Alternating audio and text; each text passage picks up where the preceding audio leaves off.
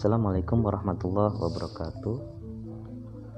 Ikhwan Fila yang dimuliakan Allah Ketahuilah bahwa Allah subhanahu wa ta'ala Melarang manusia mengganggu dan merampas harta manusia lainnya tanpa alasan yang hak.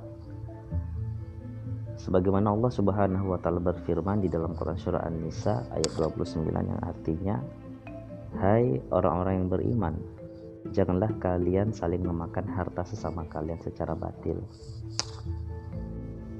batil diartikan dengan tidak benar.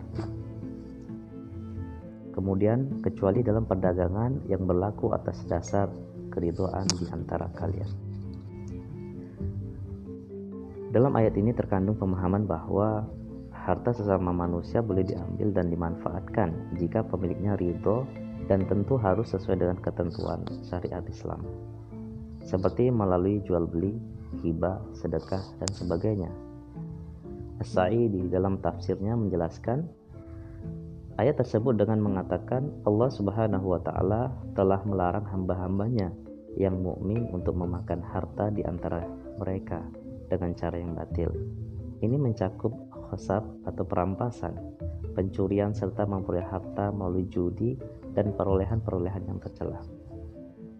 Dalam kitab tafsir As-Sa'idi halaman 300.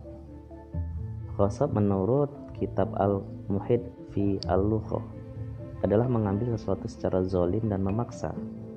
Menurut Dr. Khalid Al-Musaiki, ghasab adalah menguasai hak orang lain, baik hartanya atau hak gunanya secara paksa tanpa alasan yang benar.